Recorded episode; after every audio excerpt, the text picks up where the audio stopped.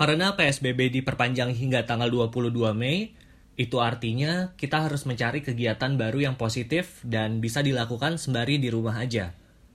Ada satu kegiatan yang bisa dilakukan, yaitu berkebun. Ternyata berkebun tidak hanya bisa mengisi waktu luang, tetapi juga baik untuk kesehatan mental. Berkebun juga bisa membangun pola pikir yang sehat.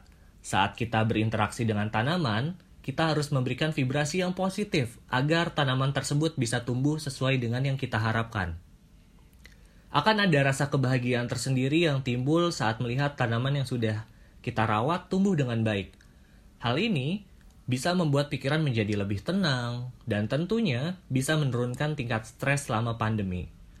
Saat menyemai, mungkin akan ada satu atau dua benih yang tidak tumbuh. Maka dari itu, dengan berkebun, kita jadi belajar untuk menerima sesuatu dengan ikhlas. Thank you, gue Zakir Wandi dan selamat berkebun.